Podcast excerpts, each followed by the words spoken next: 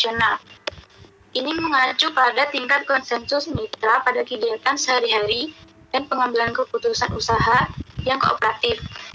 Nah, tingkat konsensus ini khususnya berkaitan dengan pengendalian manajemen dan kebijakan operasional usaha bersama atau joint venture dan juga penyelarasan kekuatan tawar-menawar atau bargaining power dan struktur pengendalian dalam usaha.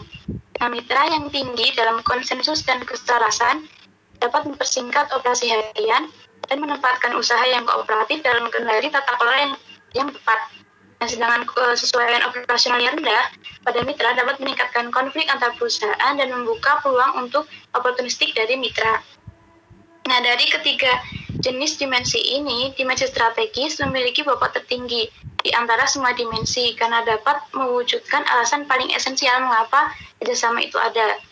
Dimensi organisasi memiliki bobot tertinggi kedua karena dampaknya terhadap